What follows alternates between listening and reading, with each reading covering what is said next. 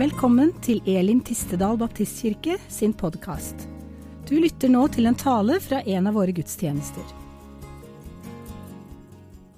Fint å være her sammen med dere. Eh, Jeg har egentlig ei friuke denne uken her. Jeg har vært i Oslo denne uka og har fullført et studium som jeg har gått på nå i to år. Jeg tar eh, kristen sjelesorg, har jeg tatt på en høyskole i Oslo. Så egentlig er det en eh, søndag jeg skulle sitte hjemme og skrive på oppgaven min, så jeg skal levere 25. mai.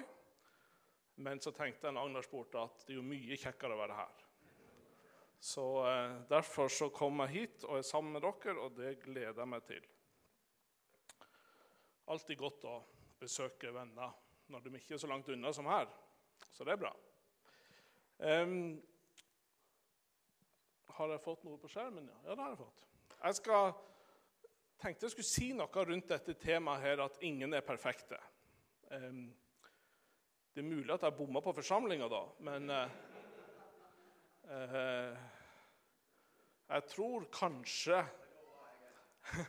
Ja, jeg, er også her. Jeg tenkte at kanskje det kunne være noe for oss eh, alle sammen. For vi mennesker vi har jo svært lett for å sammenligne oss med andre. Helt ukjent? Nei. Uh, jeg tenkte jeg bare kunne gå og sette meg igjen. Uh, vi har svært lett for å sammenligne oss med andre. Uh, og det, det kan jo slå, slå, begge veier. Noen ganger så blir vi oppgitt av oss sjøl for at vi ikke klarer helt å bli sånn som han eller henne, eller gjøre sånn som han.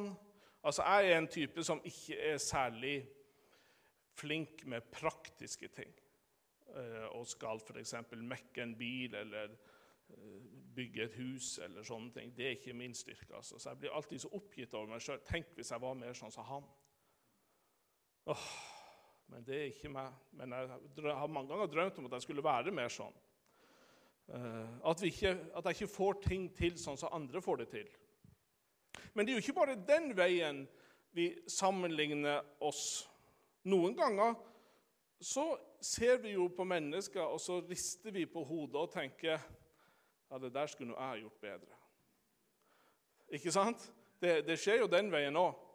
Um, at det der ja, det der det kunne vel ikke være så vanskelig. Til og med, jeg kan jo se på noe som har vært bygd, jeg skal ikke nevne navn, og så kan jeg riste på hodet og si ja, det der skulle til og med jeg ha klart å gjort bedre. Så man sammenligner seg begge veier.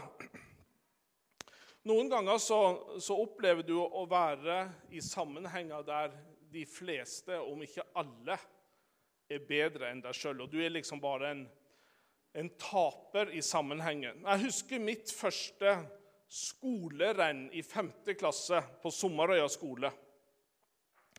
Vi hadde fått startnummer. Det var første gang med startnummer på brystet, og det var alvor. Og jeg var sånn passelig på ski. Dere, skal, dere, tror ikke det nå, da, men da jeg var sånn passelig på ski. Eh, og... Eh, sånn helt normalt norsk greie på ski. Og den dagen så hadde jeg en god dag. Det fungerte godt. Og jeg kom ganske høyt opp på, på resultatlista når vi var kommet i mål. Det var bare noen få som slo meg. Deriblant ei jente. Det var litt nederlag, da. Men jeg kom ganske høyt opp. Så når jeg begynte på folkehøyskole, jeg var 16 år og begynte på folkehøyskole på Finnsnes, og valgte idrettslinja på Heimly folkehøyskole Der hadde jeg søkt fordi det var mest fotball og volleyball. og Jeg var god i begge deler og hadde stor selvtillit på idrett. Men på vinteren så var det jo en del ski. Og sånn tidlig på høsten, når snøen begynte å komme der nord, så kom han alltid først i, i, i Indre Troms, i Bardufoss. Så det vi gjorde ei uke, vi reiste på skicamp til Bardufoss. For på Finnsnes var det ikke snø. Vi reiste inn til, til Bardufoss. Og eh, jeg var jo sånn passelig på ski. Og jeg huska jo resultatet fra 5. klasse. Men jeg har sjelden blitt så ydmyka i hele mitt liv. De andre i klassen eller på den linja gikk de la av gårde i rene Northug-tempo. Og jeg kava etter. Jeg var helt fortvilt. Langt, langt etter. Jeg, liksom, jeg ble ikke bare forbigått, jeg ble, jeg ble fragått. Og sist jeg ble ydmyka og latterliggjort. Og det var et sviende og pinlig nederlag for en som trodde han var ganske god på ski. Det var jeg ikke. I ungdomskoret hjemme i menigheten på Sommerøya der hadde vi Knut Olof Frikstad som pastor i min ungdomstid. Da sang vi flerstemt. Og jeg skulle synge en tenorstemme sammen med de andre guttene i koret. Og jeg trodde jeg klarte meg bra. Eh, jeg hørte ikke hvor falskt jeg sang. Jeg var innom alle stemmene, også dem vi ikke hadde noter på. Men det var ingen der som hadde hjerte til å si det til meg. Jeg trodde jeg hadde en liten sånn Pavarotti i magen, og jeg sang av full hals. Da jeg kom på folke, samme folkehøgskolen, så var det obligatorisk å være med i skolekoret. Det var, det var sånn på, på 80-tallet. Da måtte du være med i skolekoret. Det var alle i klassen. Og eh, når det ble mulighet til å melde seg til hvem som skulle synge solo Hvem tror dere meldte seg? Det var han som ingen hadde hjerte til å si at eh, dette bør du ikke holde på med. Så jeg var oppe med han. da. Jeg, jeg var jo god å synge. Det ble med én gang. Jeg ble aldri mer spurt. Og I selve koret så ble jeg etter hvert forsiktig hinta om at ikke bare jeg kunne mime. Jeg trengte jo ikke å synge. Jeg tok hintet. Det er slik at det er områder i livet der vi mennesker tror om oss sjøl at dette fikser vi. At dette får vi virkelig til. Selv om vi egentlig ikke gjør det. Vi lurer oss og narrer oss sjøl til å tro at det her har jeg grep om, det her, det funker bra. Og så viser det seg at det gjør ikke det allikevel. Vi mennesker vi har en tendens til å tenke at vi er andre mennesker overlegen. Om ikke alle, så i hvert fall noen. I hvert fall noen som jeg fikser det bedre enn en andre. Alle trenger vi noen som vi kan se litt ned på. Noen som gjør det litt verre enn meg. Eh, som er dårligere på ski eller synger enda mer falskt enn jeg gjør. Dette kan også overføres til det åndelige livet. Jesus snakker om dette en gang. Og Jeg tenkte at vi i kveld skulle dele denne historien og denne lignelsen. For dette er et kronisk menneskelig problem. Og det gjelder oss alle. Men kanskje spesielt religiøse mennesker. De som tror om seg sjøl at 'jeg har nå orden i sysakene mine'. Altså, jeg har nå i hvert fall forstått det. Historien går slik som dette. Til noen som stolte på at de selv var rettferdige og så ned på alle andre, fortalte Jesus denne lignelsen. Vi vet en del om disse tilhørerne. De tror at de klarer seg bra. De tror at de fikser det. De tror at de har orden i sysakene. De tror at de er bedre enn andre som hører på. Men i Jesu øyne så klarer de, seg ikke særlig godt. Men det skjønner de ikke sjøl. For de har lurt seg sjøl til å tro at 'jeg fikser det'. 'Jeg får det til'.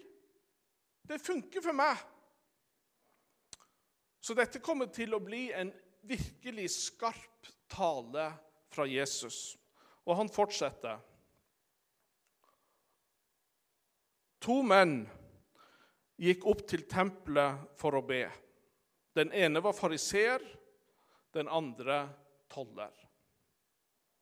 Alle som står rundt Jesus og hører dette, skjønner jo med en gang når Jesus introduserer disse to karakterene, så skjønner de alle med en gang hvem som er helten, og hvem som er taperen. Altså, den gode her, det er jo fariseeren.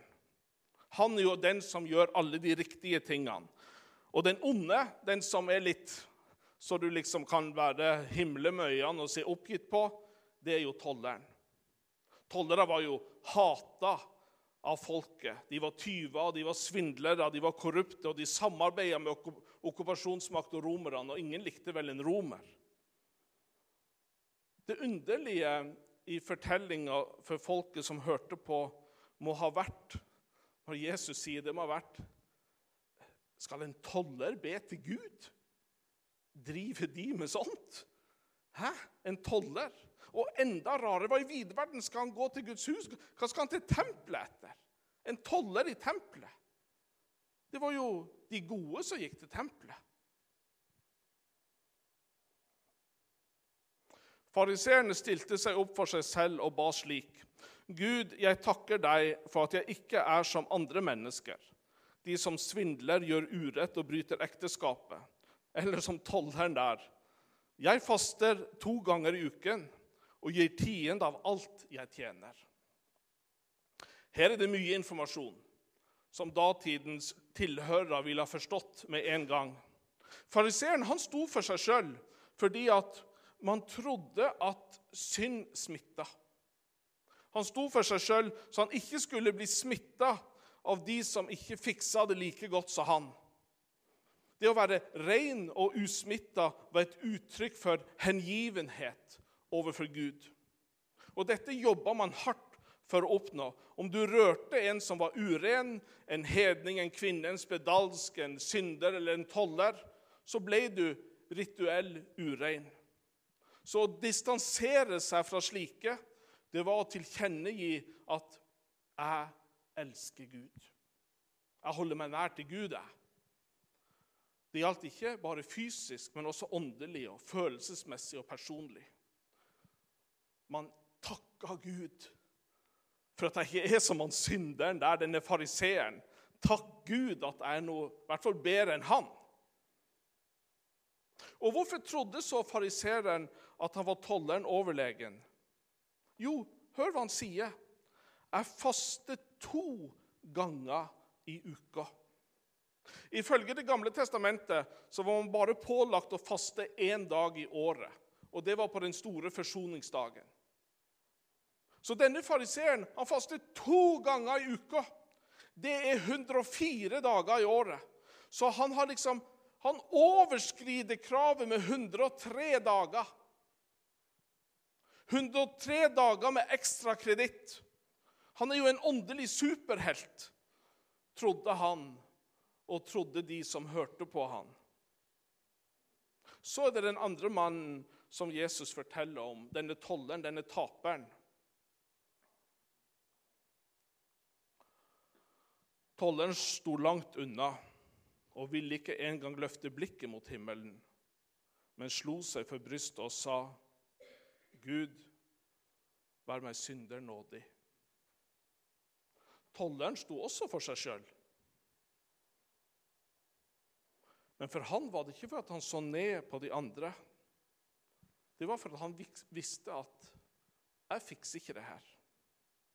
Jeg får det ikke til. Jeg klarer ikke reglene. Jeg har bomma med livet mitt. Og han er en så stor en taper at om Gud ikke er grenseløst nådig, så er han i skikkelig trøbbel. Jesus forteller oss at han klarte ikke engang å løfte blikket. Han så ned. Og vi mennesker, vi ser ned når vi skammer oss. alle dere som har foreldre, og som har tatt barnet deres i noe som de visste ikke var lov. Du møter ikke et skarpt blikk da. Da slår de blikket ned. Og det gjør vi alle i møte med at vi føler vi ikke får det til. At vi har bomma. Vi skammer oss. Så ber tolleren Gud, vær meg synder nådig. Og de som hører Jesus fortelle, ja, det kan han virkelig be. han er jo en synder av verste sort. Og det er jo greit at Gud er nådig, altså, men ett sted får da grensen gå. Ikke sant? Nåde, det er jo bra, men vi må jo trekke ei linje en plass her. Altså, Det kan jo være langt ut, men vi må jo ett sted må jo denne grensen for nåde gå. Og den tolleren, den havner nok på utsida. Så kommer denne vrien som ingen så komme. For Jesus sa, 'Jeg sier dere' Tolleren, altså taperen og svindleren, gikk rettferdig. Altså, han har akseptert og i rett forhold til Gud. Den andre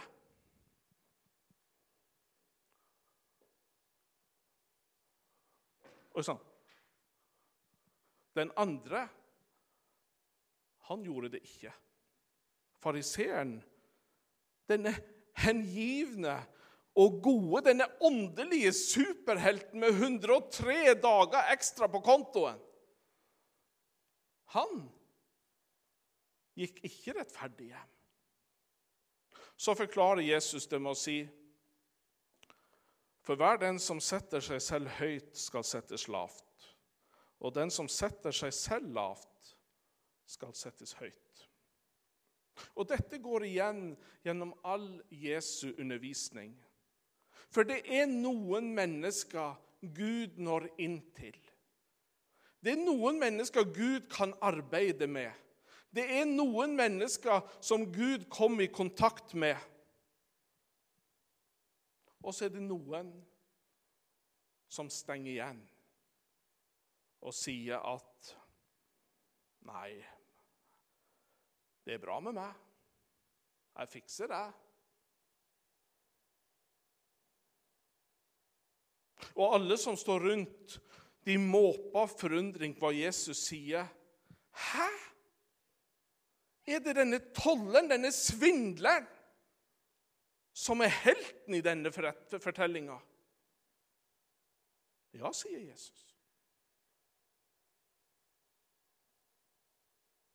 Vi har så lett for å se til det ytre.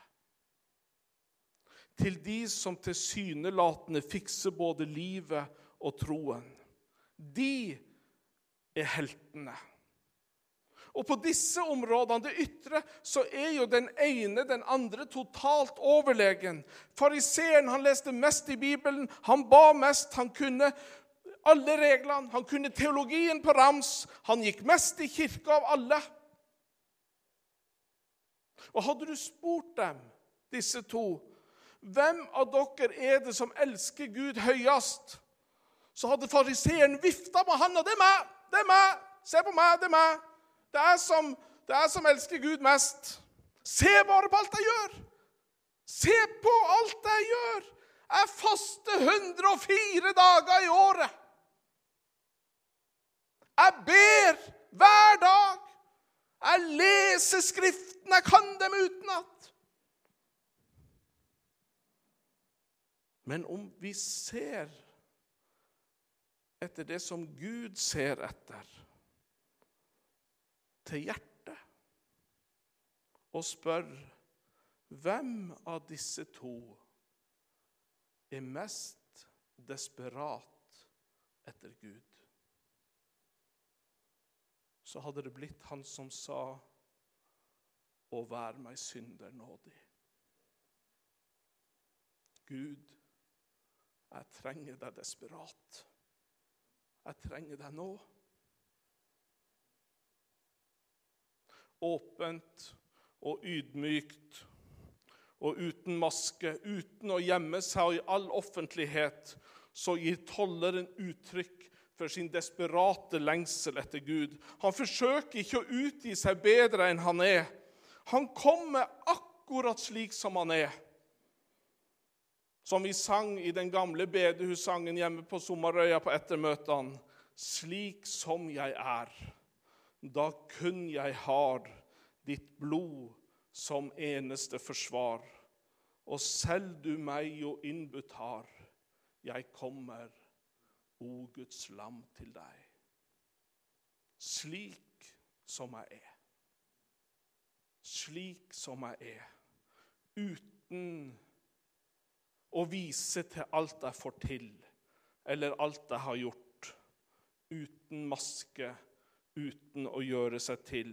For sannheten er, venner, at borte fra Gud så vil alltid mitt sinn gå imot bitterhet, mot stolthet, mot frykt, mot å gjøre mitt liv til mitt eget lille prosjekt. Borte fra Gud så går man automatisk etter hvordan ser bra ut for andre. Hvordan kan jeg lykkes mest mulig? Borte fra Gud så vil mine ord flyte i en stri strøm av egoisme og falskhet og selvtilfredshet, og at min vilje må få skje. Men Jesus han starta en ny type fellesskap menigheten. Der han vil at alle skal være med. Det skal ikke være mer oss og så de. De som er der ute, og oss som er her inne. Og Det betyr ikke bare liksom et skuldertrekk dette å si at ja da, vi er jo ikke perfekte. Vi er jo ikke perfekte. Nei da, vi er ikke det. Men, men jeg tror at denne tanken kan, kan snike seg inn i oss, at vi fikser det. Vi fikser det. Jeg får det til. Altså, jeg får det til. Jeg får til dette å være kristen. Og så er denne, denne, bevegelsen fra at jeg får det til, til at dette blir mitt prosjekt, den er kort. Og så er vi ikke så avhengige av Jesus lenger, for jeg fikser det jo sjøl. Den viktigste regelen i et menighetsfellesskap det er vær ekte. Vær sann. Vær den du er. Ikke utgi deg for å være noe mer enn det du er. Ikke gå med maske på deg eller spill skuespill for liksom å prøve å vise fram søndagssida av deg. Vær den du er. Men ikke utgi deg heller for å være mindre enn den du er. For falsk ydmykhet er også i maska. Det er en måte å liksom prøve å se hvor gudelig jeg er. Vær den du er.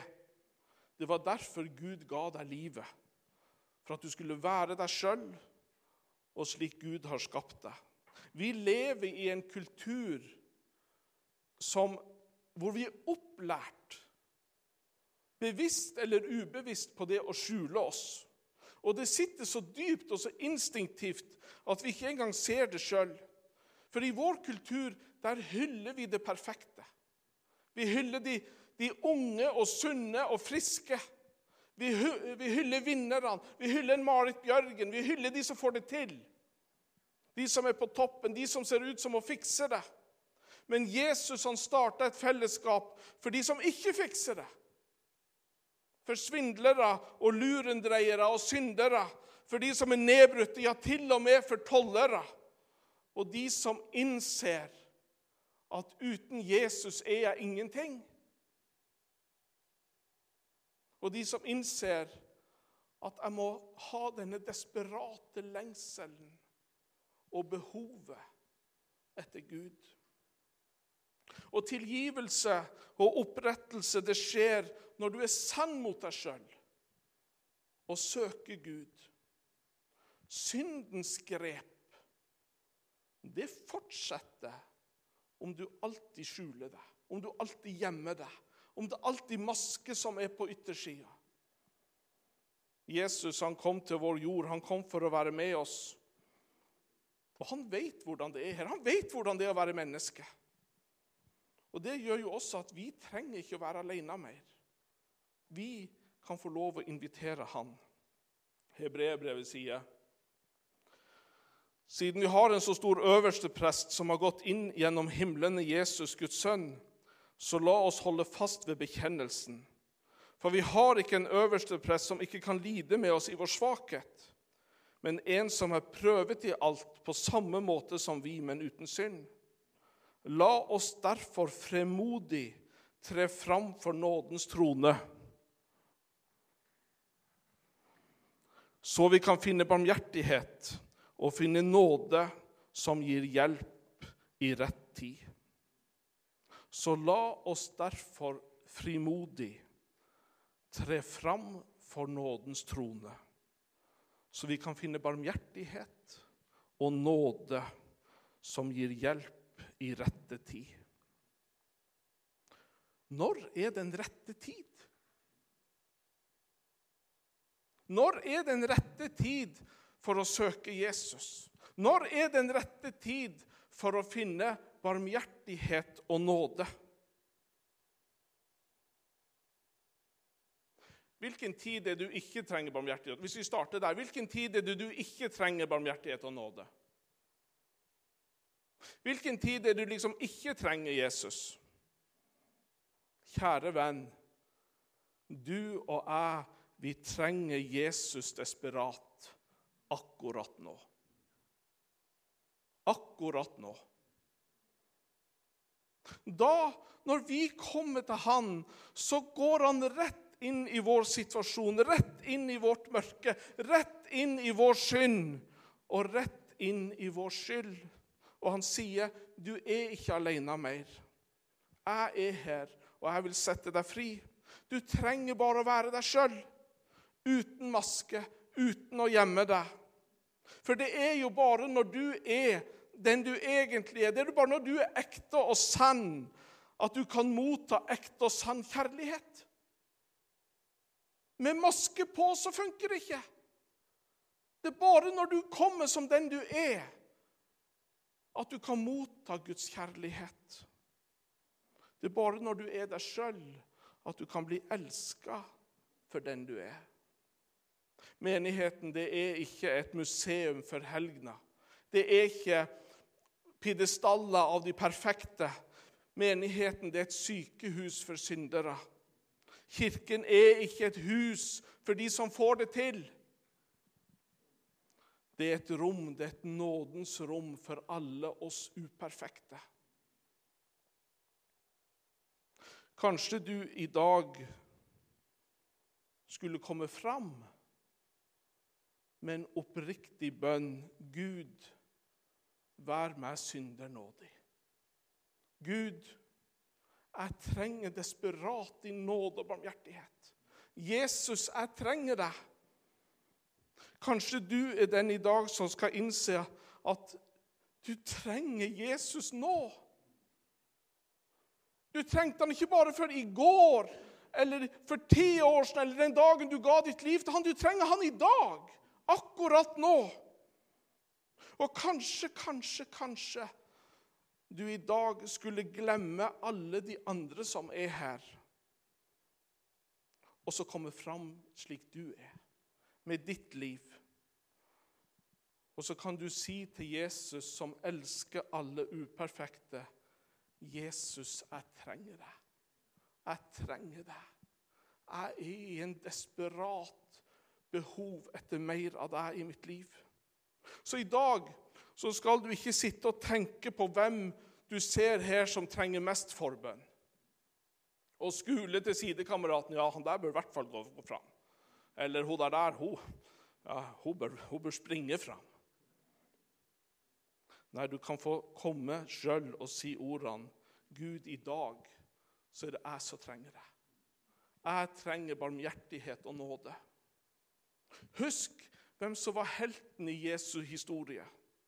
Det er han som går fram for Guds ansikt og bekjenner Jesus, jeg trenger deg desperat i mitt liv. Så jeg tenker vi skal gjøre det så enkelt som dette. At vi reiser oss opp.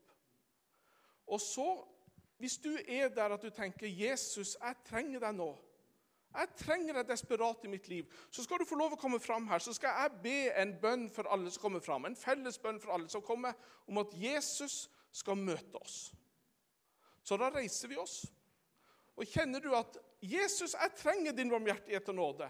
Jeg trenger mer av deg i mitt liv. Så vær så god, kom fram og still dere her foran fremste rad. Kom i Jesu navn. Alle som tenker 'Jesus, jeg trenger deg desperat'. Jeg trenger deg desperat i mitt liv akkurat nå. Og vi trenger ikke å se på hverandre. Hadde jeg hatt anledning, så hadde jeg gått rett fram og stilt meg her. For vi trenger alle mer av Jesus. Så kom i Jesu navn. Så skal jeg be en felles bønn for alle som kommer fram. Og trenger du noe mer forbønn, så kan du stanse igjen etterpå. Så skal vi be for konkrete behov og slik. Men i dag så er det bare Jesus, jeg trenger deg.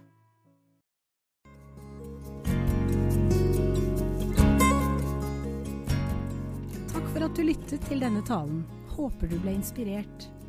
Ønsker du å vite mer om hvem vi er og hva vi gjør? Sjekk ut vår hjemmeside elintistedal.no.